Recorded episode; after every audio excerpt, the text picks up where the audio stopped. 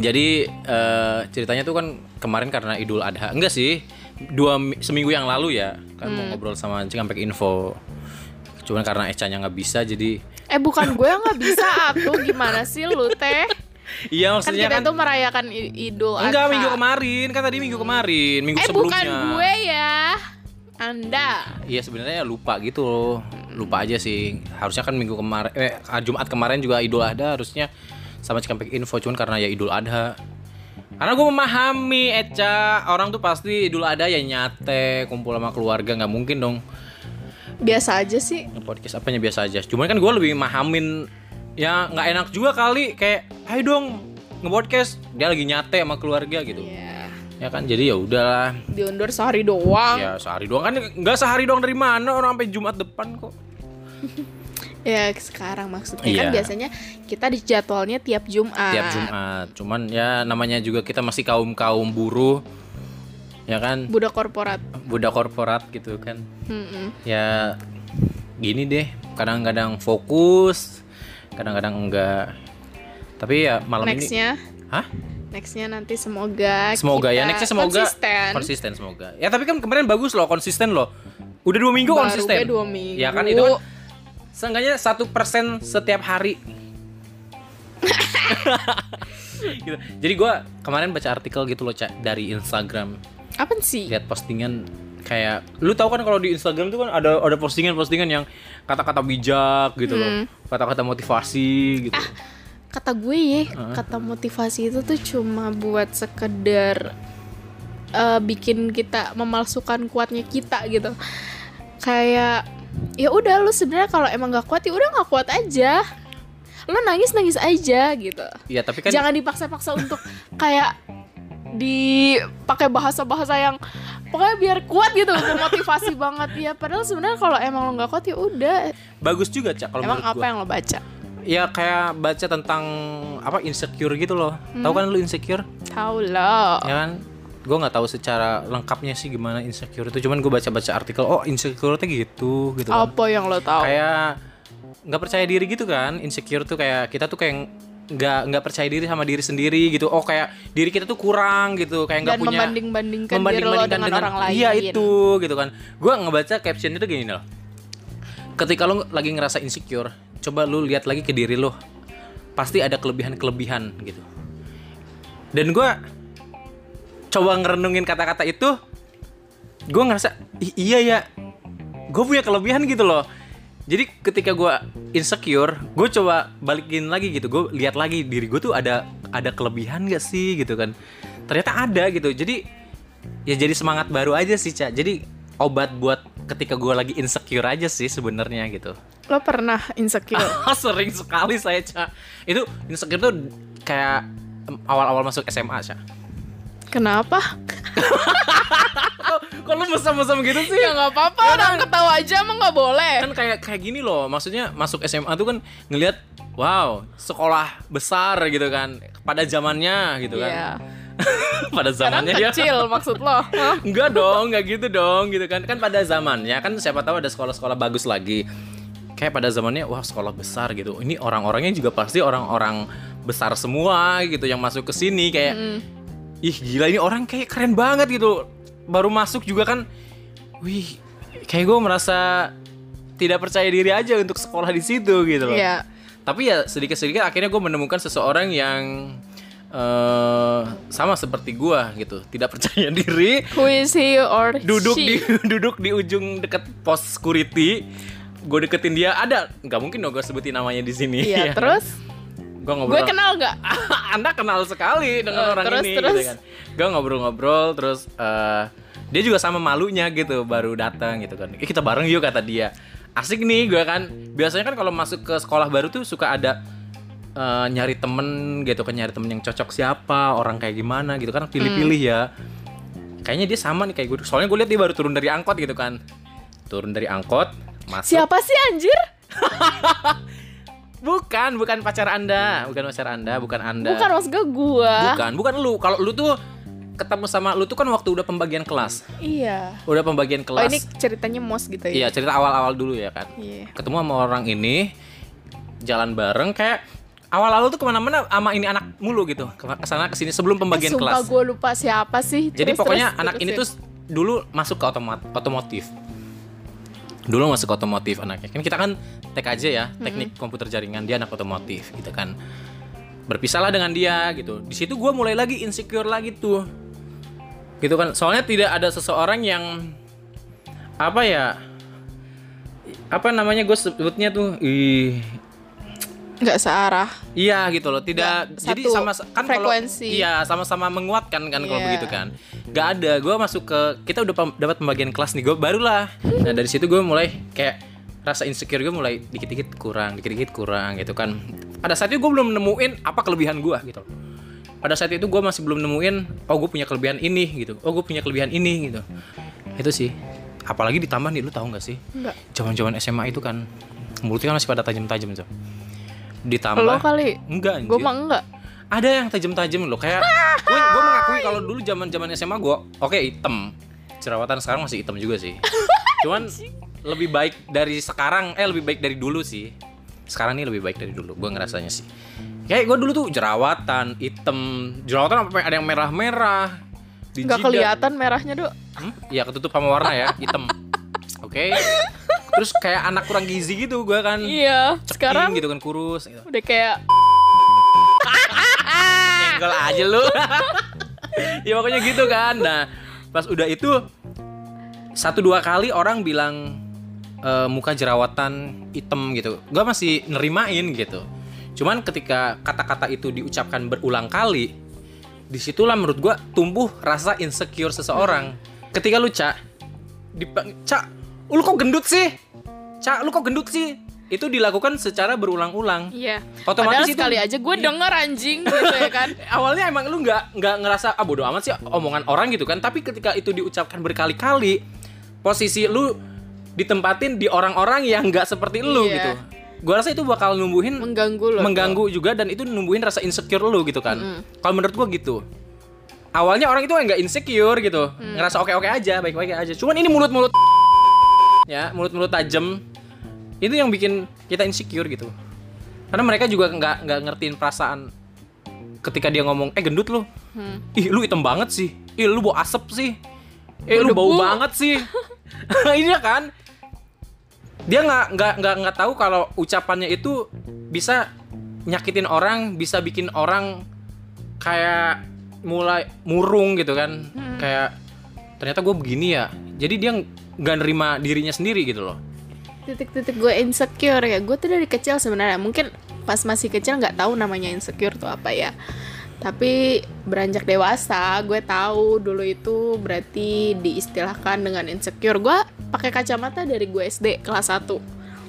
Karena gue waktu itu eh awal mula gue pakai kacamata pertama karena nonton TV selalu nanya ke nyokap gue bacaan di TV itu apa sih? Padahal jarak dari gue duduk dan di TV itu tidak terlalu berjauhan. Makanya eh, gue nanya terus ibu gue pas lewat optik iseng-iseng lah. Periksa ternyata sudah dua setengah dan silinder tiga setengah. Minusnya dua setengah ya. Terus ya udah pakai kacamata. Udah dari situ eh terus di SD gue tuh tumbuh nggak sama anak-anak yang baik. Maksudnya bukan jahat sih apa sih kayak gue korban bisa dibilang waktu itu eh, dikucilkan daripada anak-anak yang lainnya. Kenapa itu? Nggak tahu. Karena mungkin gue lemah ya. Ah. gue nggak bisa ngelawan. Gue emang gue akuin nggak pernah melawan do gue nggak pernah melakukan perlawanan. Em, terus gue asal di dibilangnya gue mata empat gue inget banget sampai sekarang sering denger gue gue pernah denger ya tuh gue pernah denger Enggak maksudnya zaman SMA juga gue pernah dengar ada yang bilang mata empat ke lo oh iya Iya, lu Gua lupa. lupa orangnya. Lu orangnya lupa. Kalau gua ada hal-hal detail yang selalu gue inget gitu loh. Kayak duduk di angkot, lu duduk di, di ujung, Ujung. pintu, iya gue duduk di belakang. Gue masih inget itu lu, cuman gua nggak berani nyapa lu. Hmm. Gue nggak berani nyapa. Gue tahu ini teman kelas gua gitu. Hmm. Karena baru kenal gitu. Gue turun, besoknya ketemu lagi, ngobrol baru bisa ngobrol. Ya poin-poinnya ada yang gua inget, ada yang nggak gue inget juga gitu.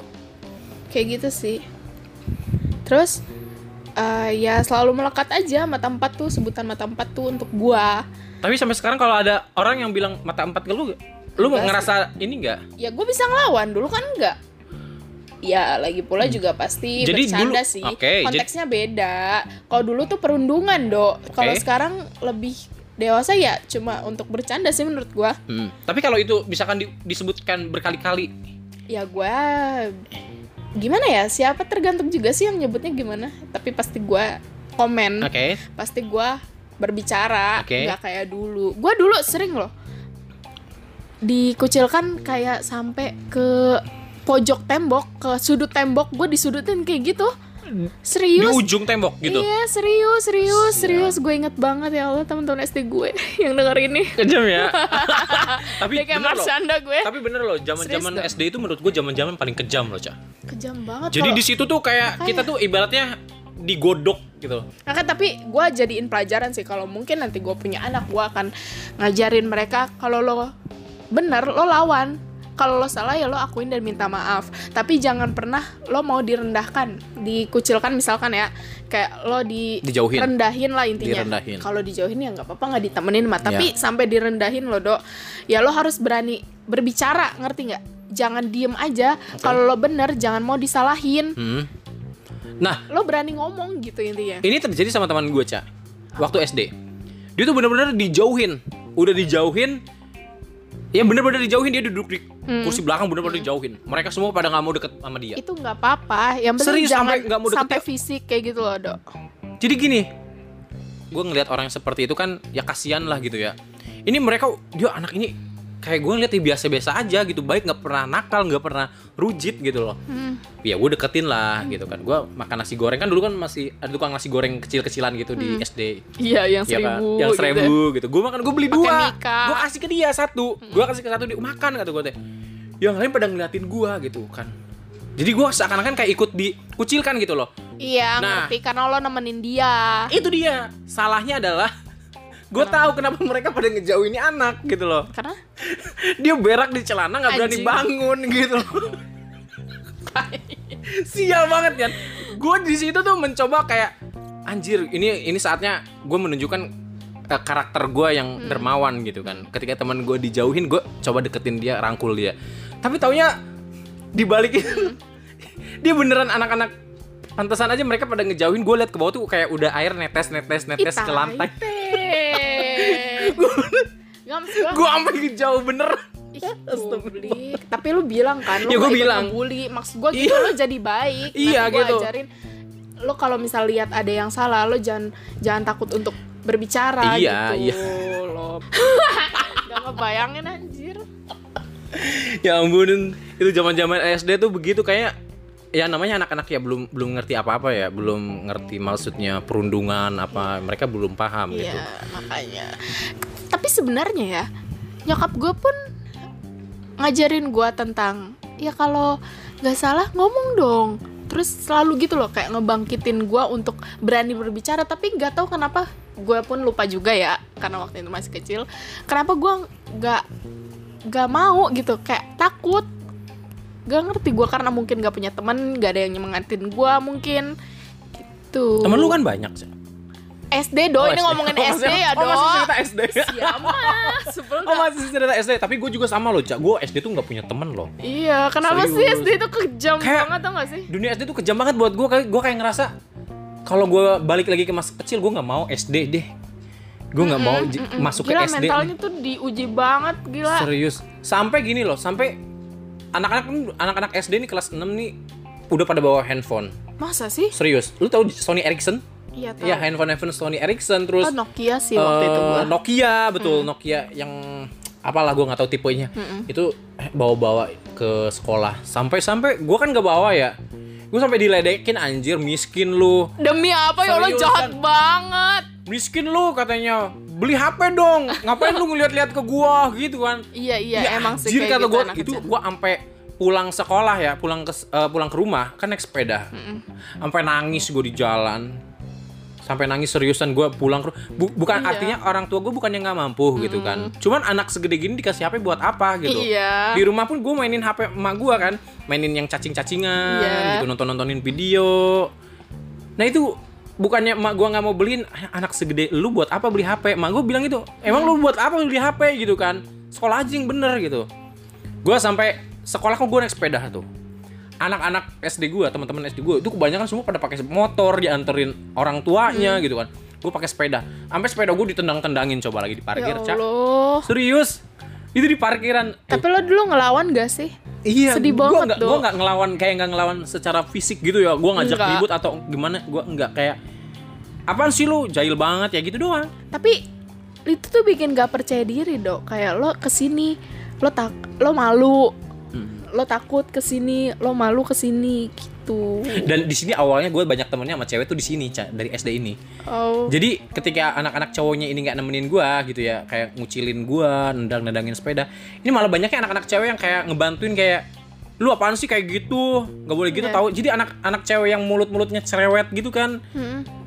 ya ini awalnya gue kayak berteman sama mulai dari anak-anak cewek SD ini gitu terus ke SMP juga kayak ya lebih banyak deket sama anak-anak cewek ngumpul gitu bukan berarti ngondek ya hmm.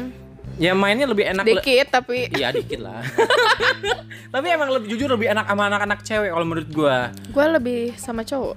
nah iya kan gitu kan kebalikannya kan. Kenapa sih? Ya apa sih? Itu pilihan lo. Temenan mah sama siapa aja nggak? Tapi kan su- suka ada yang lain sama gender. sekarang lu masih ngerasa insecure Ya insecure pasti ada dong. Nggak, gue kira lu nggak pernah ngerasa insecure gitu loh, Cak. Emang gue urat Gua- malu udah putus kali ya gue kalau ngeliat- misal enggak, gua gua kalau soalnya ngeliat lu tuh happy terus gitu kayak ya gitu. Untuk apa kesedihan diumbar-umbar dan dengan mudahnya cerita ke orang banyak tuh gue nggak kayak gitu sih dok. Gak tau kenapa gue kayak bisa nyimpen aja. Kayak tadi lu barusan sebelum podcast ini gue cerita sesuatu lu bilang lu ternyata banyak rahasianya ya. Ya gue nggak bisa banyak cerita tentang diri gue ke orang loh dok semuanya ngerti nggak apa sih ke banyak orang lah intinya Enggak, Tapi gue menyelesaikan gua masalah gue sendiri. Eh, ya gue banyak juga yang gue tahu dari lo, cuman nggak semuanya gue tahu. Itu Ya iyalah, kayak ya tadi lu ke lu, rahasia lu yang barusan. nggak rahasia sih biasa aja sebenarnya. Ya tapi kan gue nggak tahu. Ya lu gimana sih temen gue bukan sih lu? Ya tapi kan gue nggak harus tahu semua tentang lu, Cak. Gimana sih? Ya kan? Ya udah balik lagi. Ya soal insecure ini gue benci banget. Kalau gue udah ngerasa insecure lah, udah gitu doang. Kayak Gue bangkit bangkit lagi dari insecure. Yep. Nggak bangkit sih kayak gue nyadar. Oh gue tuh sebenarnya harus kayak gini loh. Gue sebenarnya harus ngelawan loh. Gue sebenarnya harus bicara loh. Pas gue masuk SMP, gue ketemu sama temen-temen gue ada lima orang. Sampai sekarang masih berteman baik. Di yang gue bisa dia gue bisa akuin mereka yang bisa ngebangkitin percaya diri gue waktu itu. Sampai sekarang ya mereka nguatin.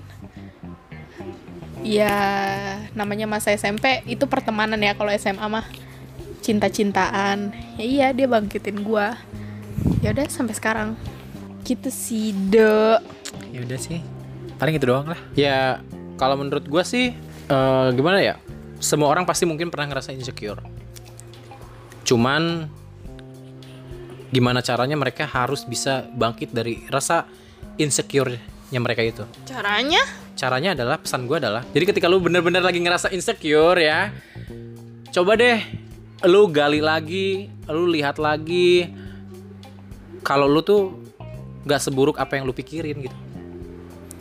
Itu doang sih dari gua nggak apa-apa ya.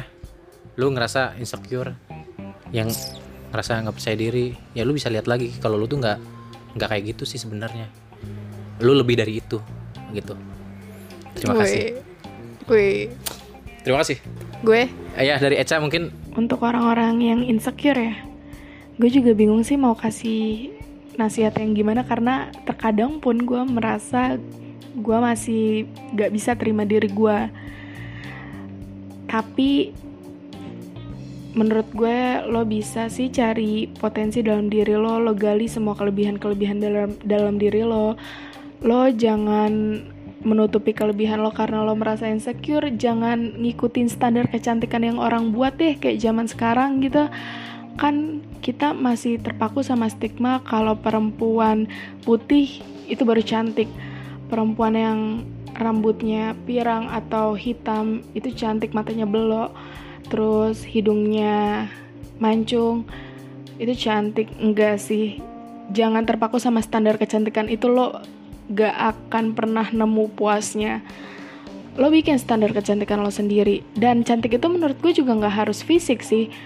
Nih percuma cantik tapi lo nggak nyambung diajak ngomong atau percuma lo cantik tapi attitude lo tuh bad gitu. Lo nggak punya tata krama lo nggak tahu caranya sopan santun kayak gimana. Jadi jangan terpaku sama fisik. Aduh gue ngomong kayak gini kayak gue bener aja. Ya tapi balik lagi ke standar kecantikan. Menurut gue kita bisa kok bikin standar kecantikan diri kita sendiri. Kayak um, kulit gue hitam tapi gue cantik kok gue manis gitu atau rambut gue keriting tapi gue bisa melakukan yang gak lo bisa intinya gitu. Tapi juga jangan bikin hubungan sesama perempuan gak sehat juga sih maksud gue ini lebih ke membangkitkan rasa percaya diri.